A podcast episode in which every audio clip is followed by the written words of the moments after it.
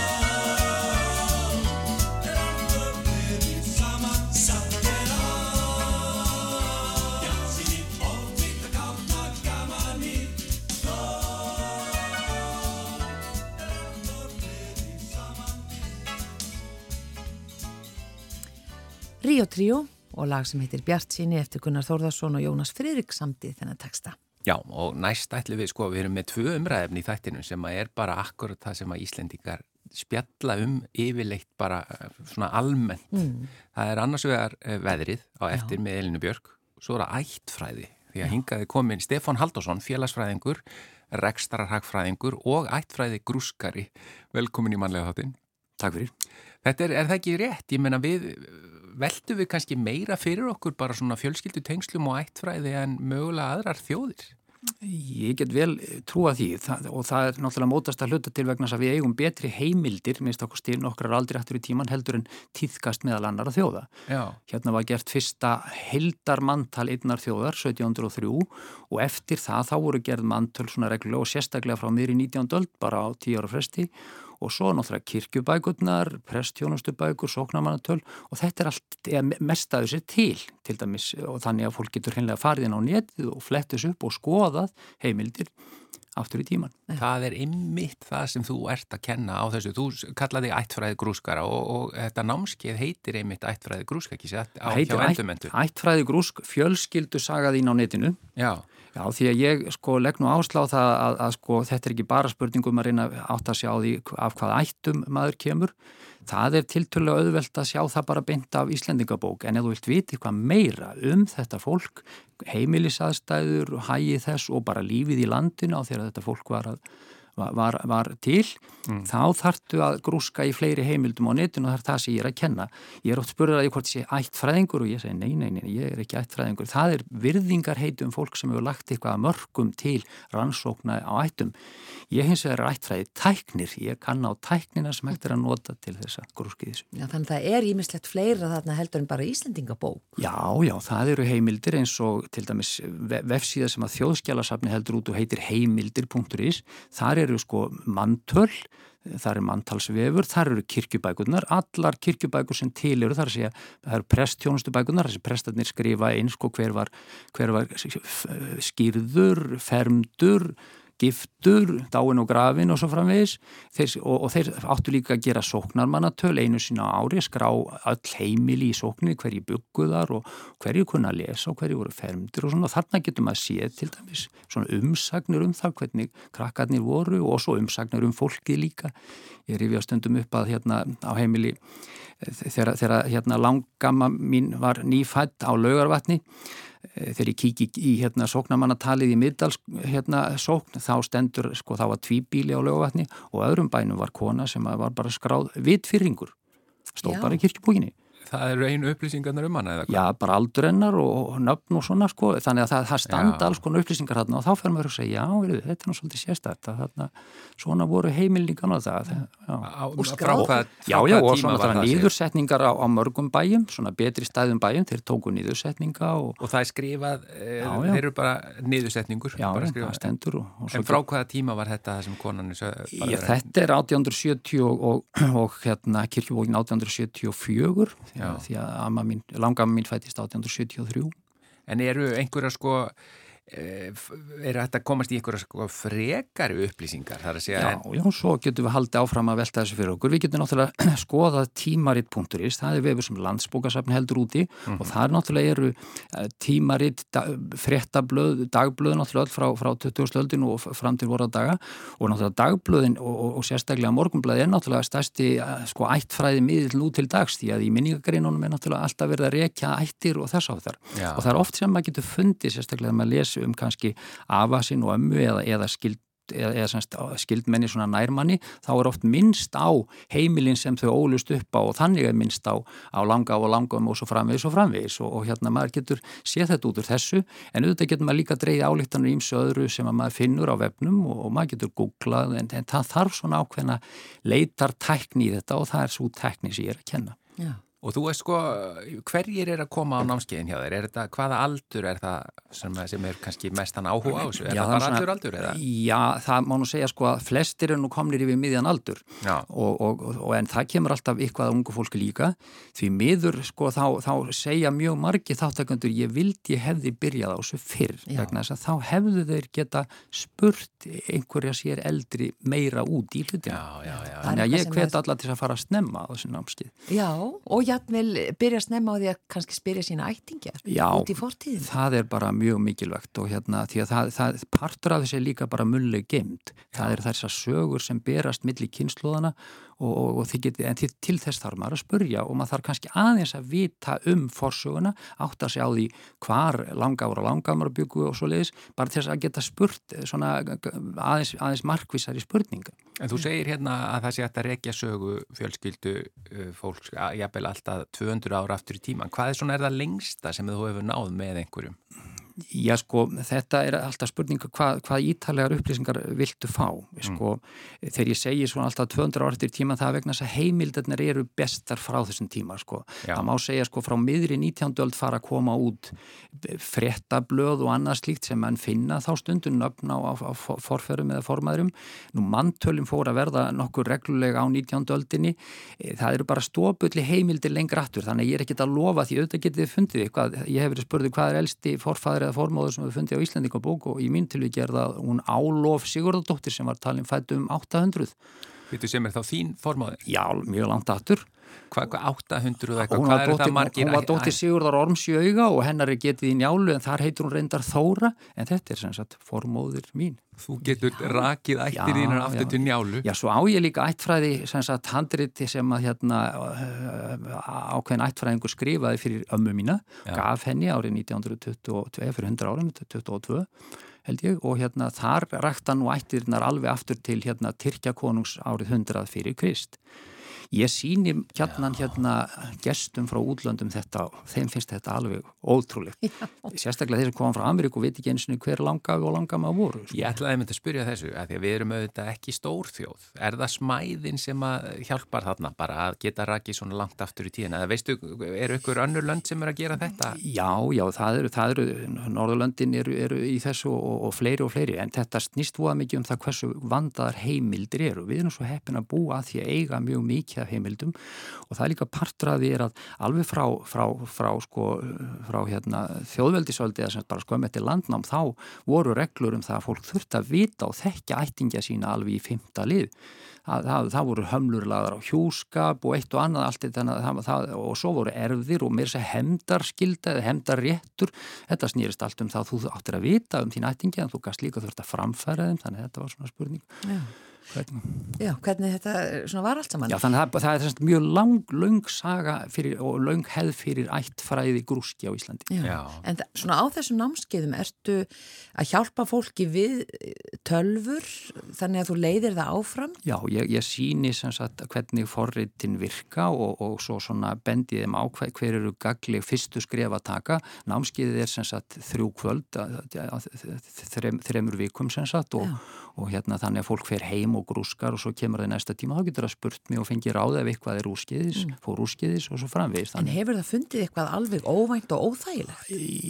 Ég, sko, ég skal ekki segja óþægilegt, það fólk er ekki endilega að segja mig frá því, en, en fundið óvænt, já, og það, það eru svo margir svo gladir, þeir eru að uppgötva hlýðar á, á sagt, sínum sagt, fjölskyldum svona mm -hmm. lengra aftur tíman sem er bara höfð ekki átt að sig á og ég, þetta er hug til dæmis sem sagði mig frá því sko, þannig að voru að grúski þessu þá sá hann að hérna að, að, að, að sko, ég held að langa að maður segja að hans eitthvað, tók að sér sem sagt bróður sinn hérna vegna einhverja fjölskeldna aðstæðina en let færa hann sko sem tökubatt til þess að reppurinn borgaði með Já, ég menn hefði ímist svona bjargráð. Já Já. Já, þetta er mjög merkilegt og, en hvernig byrjar þetta hjá þér? Hvern, þú segir að þú ert ekki ætt fræðingur heldur grúskari. Hva, hvernig byrjar þessi mikli áhug og það að þú enda síðan með að vera bara að kenna öðru fólki?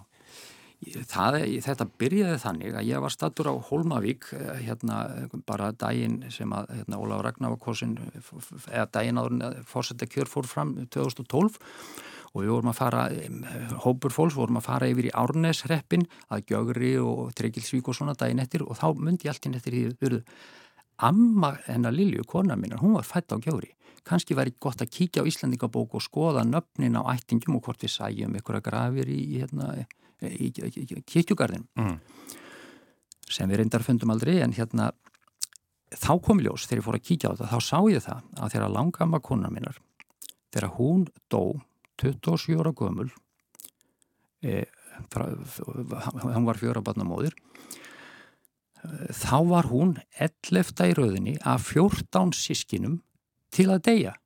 Það voru þrjú sem náða að lifa fullur hefi mér bara var svo um þetta þá, þetta sagði maður náttúrulega hvað erfið lífskjörum voru í strandarsíslu á þessum tíma e, fimm náðu tvítusaldri en dói samt áður en voru en þrítug e, sex dói bara í bernsku já, þrjú liðu full læfi þannig að þetta var til þess að ég fór að rannsaka fleiri langaf og langömmur nú, nú eigum við hjónin samtals átta langaf og langömmur samtals 16 manns. Mm fór allan ringin og skoðaði þetta fólk alls og þá bara sá ég að þetta var bara sagan, það, það, það, það er einn einungis í einni fjölskyldu það sem ekki var badnatöði til dæmis. Já, já. í 15 af þessum 16 fjölskyldunum var badnatöði og ég held að mér minnir það að helmingurinn af þessum langum langum þau voru búin að missa minnstakosti annað fóreldri þegar voru tvítu og hvað þýtti það þú bara stóðst uppi með tvær hendur tómar og hafðir í raun og verið engan stuðning. Þú þurftir að bjarga þér einhvern veginn. Þetta var erfitt líf Svaka hér á landi í, langan tíma. Það, og það sem ég svona gætna á þegar fólk er að skoða fjölskyldusögu sína það er spurt af hvað ætt ert og þá nefnir það alltaf ykkur að fræga ætt sko. Ég segi þið er líka að skoða hitt fólki sem bjóður undar við mjög, mjög kröptjör en komst af og, og, og átti sinn þátti að byggja upp landið og, og skapi ykkur þau lífskjör sem það er núna mm. ekki gleyma hinum Við erum flest afkomendur fátakra kvotbænda en það voru þeir sem að brutust áfram og sköpuð okkur þennan heim sem við höfum hér í dag. Því líkar hetjur. Já, Stefán Haldursson, félagsfræðingur, ekstrarhraffræðingur og ættfræði grúskari. Þú kennir þetta sem sagt ættfræði grúsk og, og fólk getur grúskað um sínar eigin ættir alltaf jafnvel 200 ára aftur í tíman. Mm, þetta er á vegum endumentunar Háskóla Íslands já. og næsta námski byrjar annan november. Miðugudagskvöldin annan november og, og annan 9. og 16. november. Það er Takk innilega fyrir komuna í manlega þáttin. Takk fyrir.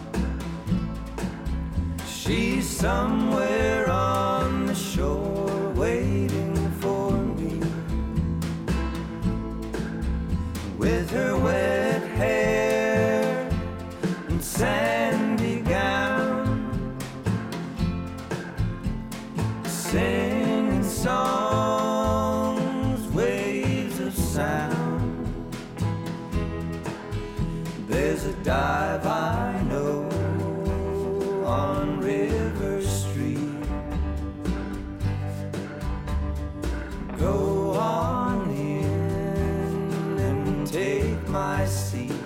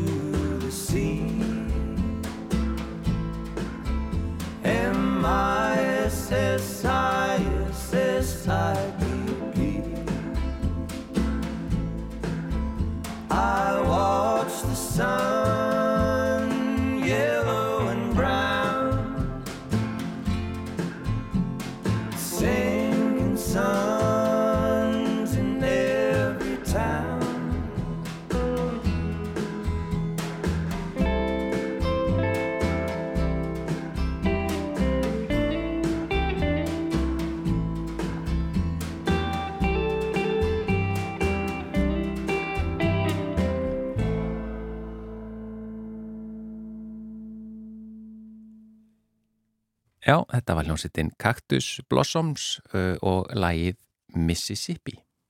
Við lok síðustu aldar hóf Daniel Bergman að ljósmynda fálka í íslenskri náttúru og til að fá aðgangað ólíkum þáttum í tilveru fálka þá þarf ljósmyndarinn, sem sé Daniel, oftar en ekki að fela sig, uh, sitja kyrs og dögum skiptir, kunna umbera kulda og óþægindi en halda ávalt fullri aðtegli og þá fyrst opnast dyr að veröld fálkans og eh, hann Daniel Bergman er á línunni ljósmyndari og það er nýútkomin glæsileg ljósmyndabók sem heitir einfaldlega Fálkin, kom út í síðustu viku en eins og ég saði Daniel, þessi bók er afrakstur 20 ára vettvangsvinnu á fálkástóðum á Norðausturlandi.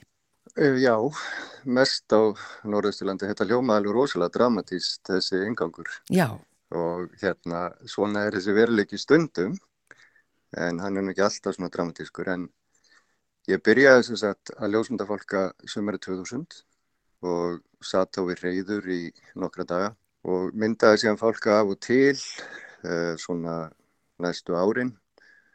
Og svo datt niður þessi hugmyndi í höfuð á mér uh, líklega 2009 að fara skipilega að vinna bók og það vildi svo til að það var fólkapar verpandi í Mývasveit á þessum árum eh, sem að var ákveðlega glæsilegt uh, hálfkvítur kvennfugl líklega ljósasti fólki sem að ég hef séð á Íslandi íslenskur, óbúslega falleg.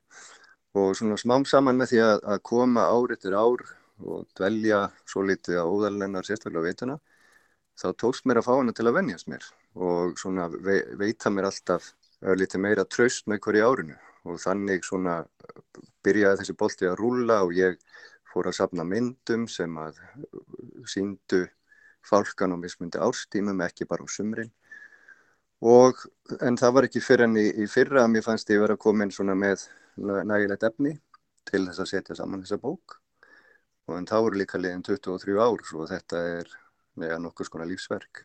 Já, en hvernig barstu þið að við að eh, mynda? Varstu falin eða, eða hérna, sást vel í því og hvað varstu langt frá? Uh, alls konar hátt, alls konar. Til þess að, sko, til þess að valda fuglunum sem minstri trublun, valda þessi minstri stig, þá þarf að nota félutöld og þá eh, yfirleitt verður það bara lítil tjöld sem er, er hægt að skella upp í, í snarhæsti og festa niður og láta standa svo töfum skipti jafnvel. Og þá er, þá er það við, oft við reyður þar sem fugglarnir þurfa að koma því að þeir þurfa svo sannlega að koma til þess að fóðra ungana sína en, en fjarlægin þarf að vera nægileg þannig að það hef ekki áhrif, neikvæð áhrif. Mm. þannig að við erum að tala um þetta 30, 40, jafnvel 50 metra það fer svona svo litið eftir landslægi hverju sinni. En, en það sem að ég síðan fór að leggja mig fram með var að ná myndum á vituna og þá er fólkin miklu erfiðari því að hann þarf í sjálf sér ekkert að sitja á einum stað frekar nöðrum og þá þurfti ég svona, já, eins og ég segi með því að koma aftur og aftur og óðal og dvelja með fugglónum, uh, fylgjast með þeim í fjarlægð. Þá gæti ég svona að sé hvað það var sem að er vildu helst vera og þá setti ég upp félutöld, ég setti félutöld upp á þrejum stöðum þannig að þeir myndi vennjast við og svo bara byrjaði ég að sitja, ég fór inn á mótnana í myrkri og yfirleitt í svona, já, frá miðjum mars og fram í apríl, þannig að byrtu tímin er ekki það langur. Fór inn í myrkri og, og fór síðan út, já, jafnvel bara þegar fór að rökku aftur, búin að sitja kannski 10-12 tíma. Og þannig smám saman uh, tókst mér að byggja upp svona þetta myndasöp sem, sem er í bókinni. Já, 10-12 tíma bara? 10-12 tíma stundum en þetta er ekki alltaf svona. Stund, stundum þá gæti ég nálgast hérna fuggla úti undir byrjum himni bara með því að fara varlega og nota jafnvel landslægi til að fela mig. Uh, með því að vinna með sömu fugglónum ár eftir ár þá vöndust er mér, ég var alltaf í sömu fjötónum alltaf með sömu húuna í sama jakkanum Já. bar mér alltaf eins að horfið aldrei augun á þeim horfið alltaf svona út undan mér þegar ég var að nálgast fugglana og aldrei beint á þá fyrir en að ég lifti hérna myndafil og linsu. Uh, það er þáttur sem að mér fannst skipta máli og stundum þá, og það eru líka, það eru í bókinni ljósmyndir af 30 meðsmunandi fólkum, 30 einstaklingum og síðan einhverjum ungum. Þannig að það er mikið af þessu líka sem eru orðið til bara það sem að ég verði að aka út í náttúrunni, ég hef séð fólka og ég vil geta nota bílinn sem félagskili, mm. nálgast á þannig því ofta eru þeir miklu miklu gæfari og róleri þegar maður er í bíl. Já, og þeir lifa, eða sem sagt aðalfæða þeirra er rjúpan, þannig að þeirra stopn, náttúrulega hangið aldrei saman við rjúpustofnin, en, en, en hrafnin kemur líka við söguvegns að leita þeir ekki í, í hérna reyður hrafsins. Þeir gera það svo sannlega. Fálk, fálkin hann verpur gerðnan í hrafslaup, hrafsreyður. Og þá annarkort já, finna hrafslöp sem er aflagður eða bara reynilega að taka hann af hrafninum þegar hann er búin að byggja. Uh, þeir verpa líka bara á grónar sillur í, í klettum og uh, hreyðugerðin er ekki, er ekki hérna íbrað mikil.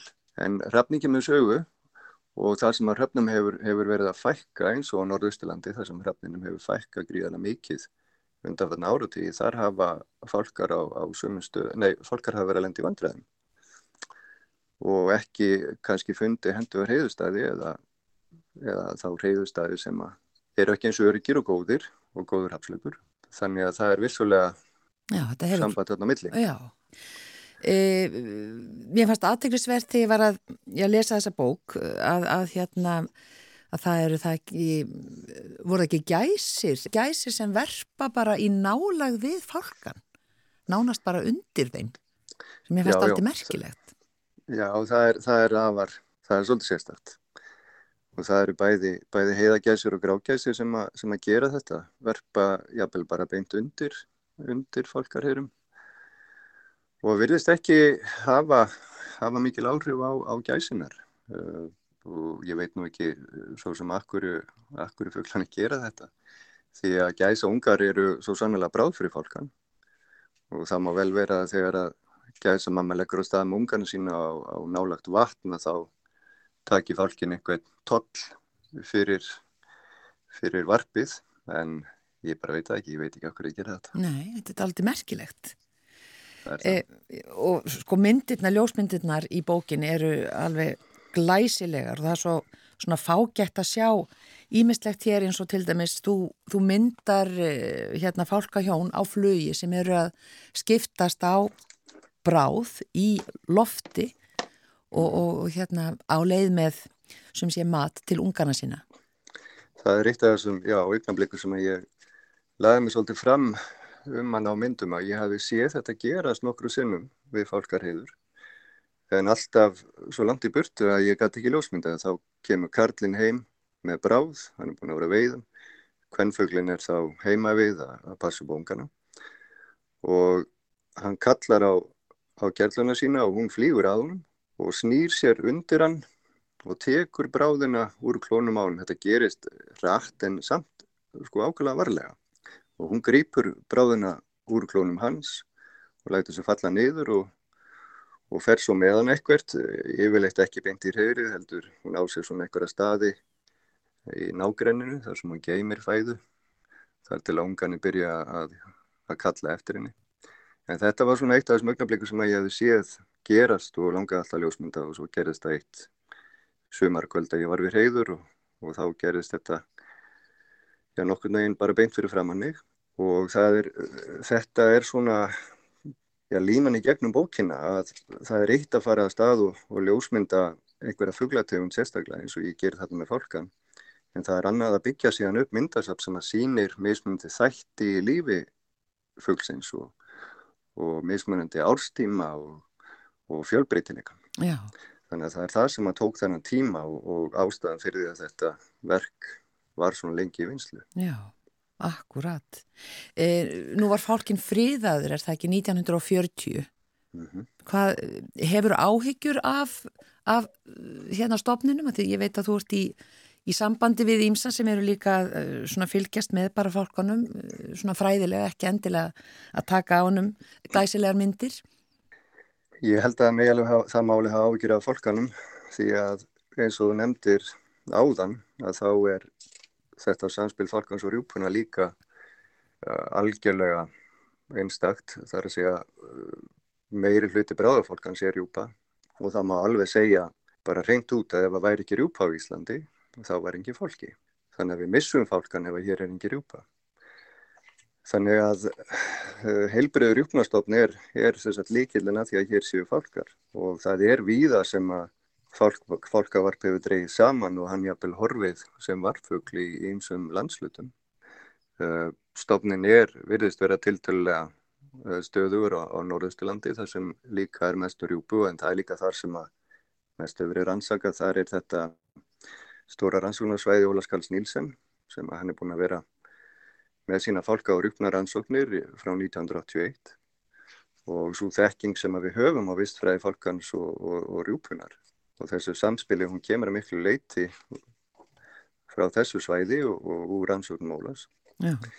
Þannig að þetta er, þetta er eitt áttur, það er, það er þessi, þetta samspil falkans og rjúpunar og mikilvæg þess að hér sé heilbröður rjúpunarstopp og annar þáttur líka vaksandi skórekt því að rjúpan er, er mófugl sem að reyði sig á þessi opnu, einstöku opnu íslensku landsvæði og það þrengir að þenni víða því að hún verpur ekki skóum, hún sækir í skóar í aðra, hún sækir aðeins inn í skóa á vetuna en hún forðast skógin á vartíma. Þannig að það eru svona umhverfisbreytingar og, og kannski já, veiði, þá helst rúknaveiði sem að hefðu helst áhrif á, á starf fólkastofsins. Já. Uh, ég bara mæli með uh, já, þessari glæsilegu bók, uh, Fálkinn, Daniel Bergman, en er það ekki rétt um að það er síning í gangi á myndunum þínum? Jú, það er síning í, í skotinu í ljósmyndasafni Reykjavíkur. Eh, það er hanga upp á vegg nokkra fólkamyndir úr, úr bókinni og, og það er líka hægt að, að vera þessar út um eintaka bókinni. Já, bara, ég segi bara til hamingju með þessa bók, Fálkin, Daniel Bergman, innilegar hamingjóskir. Kæra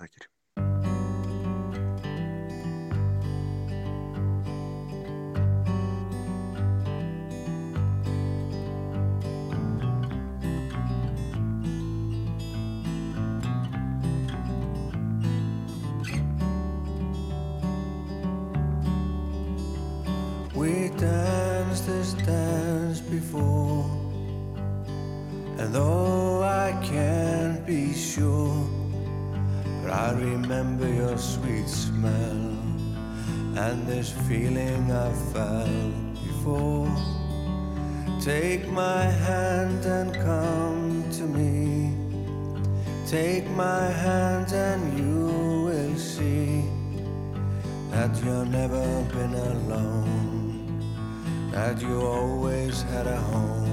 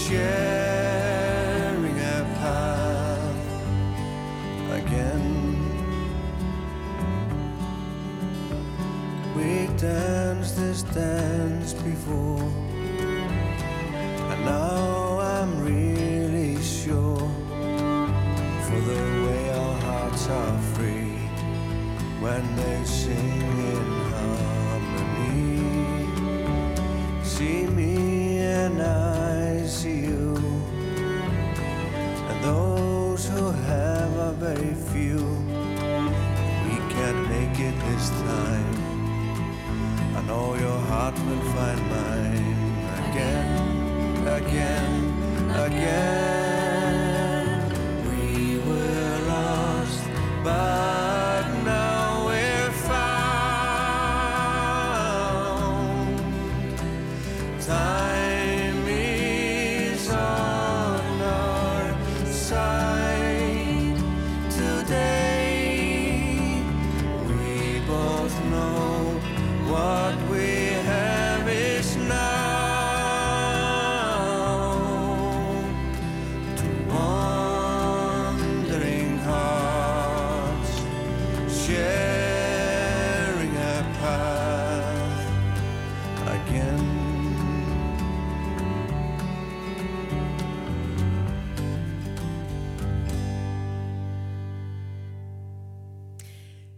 Þetta voru Blood Harmony og Girl from Before og uh, lægið er eftir hann Örn Eldjárn og uh, hann samti textan einnig. Já, það er komið að veðurspjallinu hér í mannlega þættinum og Elin Björk Jónasdóttir er á línni kondu sæl og blessu. Góðan dag, Góðan dag. hvað segir þið þá? Við segjum bara allt gott. Hvað En- segir þú? Hvernig, svona, hvernig var helgin svona veðufarslega séð? Hún var voð falleg. Já, Það var, það var hérna ofsalega bjart og fallegt og, og mikil sól og, og hérna, ég var mjög mynd á það hvað ég þurfa, þurfa þvó hérna rúðurnar heima hjá mér. Já, að það var, það var svolítið mikið núna þessu helgi, maður sá allt. já, Já. er. Já, það var ekki, ég, ég kann betur við svona smárökkur. Já, eða svona ég býð bara olm eftir því að verðin að ég fer nú að hérna prílipu stiga Já. en sjáum hvað gerist. Þetta Já. hefur allt sína kosti. Það eru kostir við myrkrið, sko. Algjörlega, ég Já. er alveg sammála því. En óvenju fallegt bara haustveður sem við höfum fengið núna undarfarið. Já, það var nú komið að því. Við fengjum svolítið gott haustveður. Mm, fannst mér. Já. En hérna, já, en það er, það er einmitt hérna, ég tók eftir því að það voru svona, voru falleg ský eða svona, það var ekki mikið af skýjum en, en fallegt ljósbrot sko í skýjónum. Já, Þegar það var sól og hérna, og sér maður oft svona, svona hérna, rosabaug um sólu sem er svona bara, ekki regnbogi en, en þá sér maður svona eins og, eins og hérna svona geislabaug utan um sólina eh, ef það er, ef það er hérna ískristallar í skíunum í háskíunum sem, að- að heilja þá heiminin. það kallast Og- rosabaugur. Já, og hann getur verið svona stór og lítill en, en við sjáum hann yfirleitt þennan 36 gráður og svo brökk hér eða 38 gráður hall. Býtu, býtu, hérna- hvað sér, 30, akkur 36 gráður eða 38? 38 gráður hall og það er bara hva, á hvaða sagt kristallarnir endurkasta ljósinu. Já, þú sagði þetta bara eins og við ættum að vita þetta. Já, já, nei.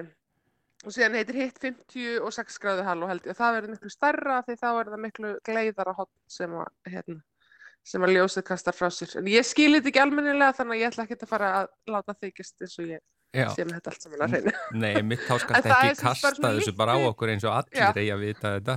En, en Littli rosabaugurinn og stóri rosabaugurinn. Stóri sést eiginlega aldrei hér en maður hefur séð myndir eins og frá já, það sem að sko það sjást sko margar tegundir af svona, af svona ljósbroti í einu. Það sjást sko litli baugurinn og stóri baugurinn og svo allskins svona skurðapunktar uh, í hérna ofanálag. Þannig að það sjást svona hérna einhverjir, einhverjir geirar eða, eða svona eiginlega eins og hérna svona kökusneiðar. Sko það sem er, er svona hérna geislar eða svona bjartara.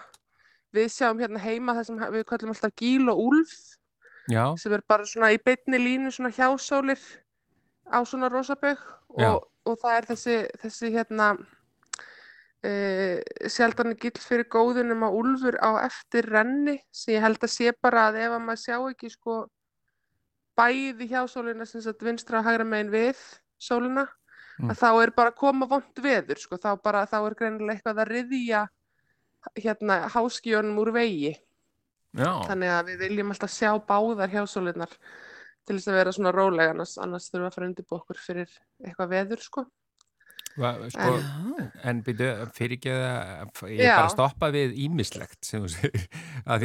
Varstu að útskýra hvað hjásólir eru eða eigum við bara að vita hvað það er? Já, nei, það er þetta sem ég var að segja, þessir, þessir punktar sem eru svona bjartari, sitt hverju megin við sólina. Já, já, já, einmitt. Stundum sér maður hérna og við tölum um sko, þetta er svona undir hópnum baugar og hjásólir. Já, já, já. Þessi svona rosabaugur og svo svona, svona hérna bjartir uh, punktar þá á þessum baugum. Mm og, og við tölum þarna um gíl og úlf sem, a, sem að er eitthvað eldgamalt orðatiltæki bara. Mhm. og, og hérna og þetta svona sé ekki fyrir góði að við sjáum ekki báðar hjá að við sjáum bara aðra.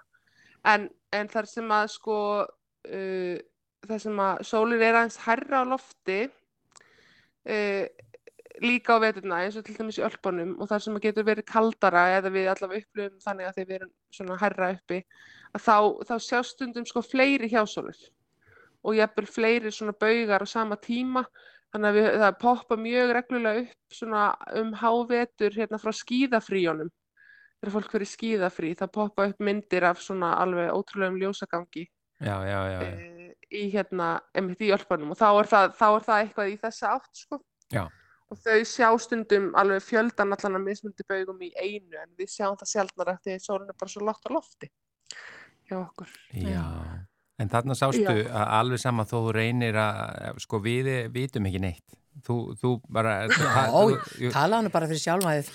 já, býtu, ég hefði þú geta útskipt þetta allt með þetta gráðunar og, og Nei, já, það er bara það er mjög gott að hafa einhvern til að stoppa mig á því að auðvitað tala ég bara eins og allir þekki þetta sérlega áhugamál mitt eins En og ég. þetta er mjög áhugavert. Mjög, þetta er mjög þetta er áhugavert, en að- þessna spyr ég, ég, fyrst læti ég aðeins svona líða og hugsa, já, býtu, eiga allir að skilja þetta, eða, Ég, þetta, er- já, en svo bara þetta er bara ákveði góð ég, áminn, áminning sko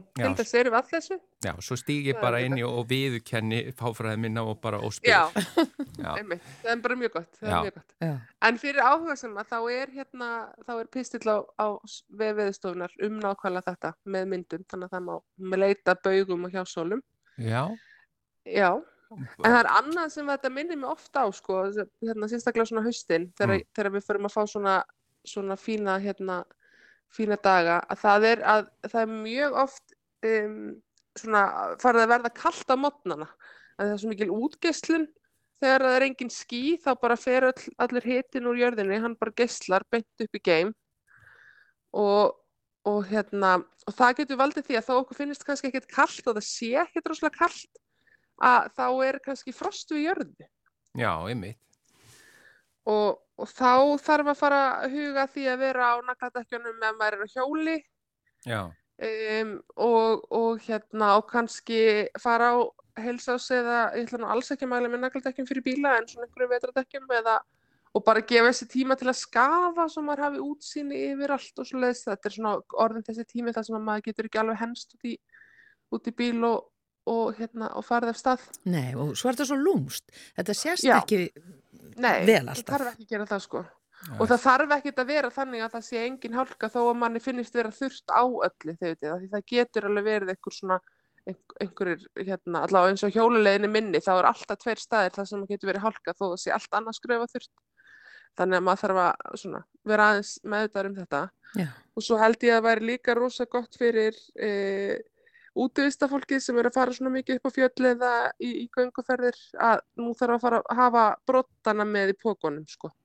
Nú er farið að, að snjóa, maður sér það, það er komin svona kollur á, á fjöll víðast hvar. Já, farið aðeins að snjóa.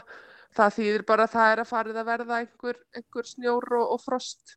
Já, svona, og þá hálka e, efst uppi þannig að fólk þarf að fara að hafa svona öryggistækin með sér og, og hérna ekki bara halda að það sleppi sko komin, komin fram yfir þann tíma árs. Er eitthvað svona, eða svona, hvað sjáu þið langt fram í tíman með bara spána?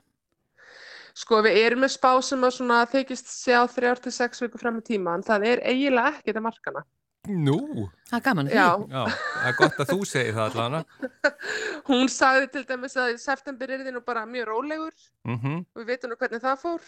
Já, og hérna og, og svona en, en svona hún á sko ég er nú, að, ég er nú, að, ég er nú sérstaklega bitur yfir þessum rólega septembermánuði sem ekki kom. En hérna en hún sem sagt e, hún á erfitt sko hún, e- þessi spá, þessi margra vikna spá hún virkar ágætlega á meginlöndunum þar sem er ekki jafn svona mikla breytingar á veðurlægi og hér mm Mhm. þegar við erum umvafin sjó og það svona breytir alls konar fyrir veðurspátnar en, en hérna um, en þau hafa bara viðkjönd það sem standa að þessari spá að spá getan sem sagt, bara hæfileiki þessari veðurspár til þess að, að standast er miklu verri fyrir Ísland og til dæmis Norður Noreg heldur en svona afgangin af Evrópu. já, já. Og- Þannig að við verðum bara hérna- í það súra. Já, við verðum svolítið að í það súra og það sem er líka nefnilega svo hérna erfitt, sérstaklega haustin, þegar það eru svona miklar umbreytingar í gangi, að það sem spáin veit er að ok, það minkar sólarljósið og það sagt aðstreymi að köldulofti og norðri og verður rosa mikill lagðagangur og þá, þá segir hún alltaf bara svona að meðaltali verður þetta ágætt. Já, Og, er það, er dálítið hérna- almennt bara. Af því þetta er svona, þetta er svona tölfræði hérna útækt nefnilega, þannig að maður, maður skoðar þetta alltaf mjög spennti, ég skoði þetta alltaf mjög spennti hverju viku. Og, og það er rosa mikið þannig að þú veist, að meðaltali, þetta eru 50 spár sem eru kerðar með svona mismunandi uppháskilurðum og að meðaltali þá er bara alltaf rosa fínt veður. Já, já, Þannig að tölfræðin hún svona smýr aðeins út hérna vondaveðrið eða góðaveðrið sem kemur svona í mittiltíðinni. Þannig að ég reynir nú að reyða mig ekki mjög mikið á nákvæmlega, nákvæmlega þessar spár. þessar langtímaspár. En þú ert ekki Já. að segja að, að spátnar ykkar standist aldrei, þar að segja það eru, þú ert að Nei. tala um þessar langtímaspár.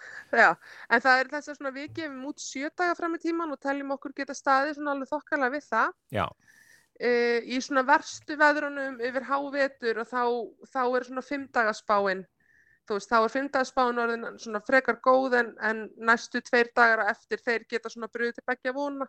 já, já, Þannig, þannig að hérna maður þarf aðeins líka að þekki bara gögnin sín sko já, já. og einmitt mikilvægt fyrir fólk sem er að svona hérna æfa sig í að fylgjast með veðri að, að hérna að hugsa aðeins út í þetta, vera aðeins meðvitið um að, að það getur verið þannig að spár standist misvel eftir ástíma og er bara alveg, alveg tilfellin sko.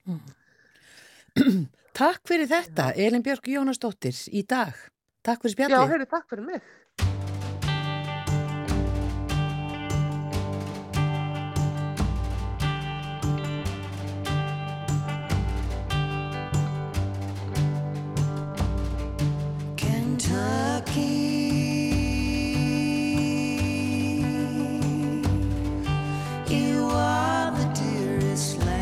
Outside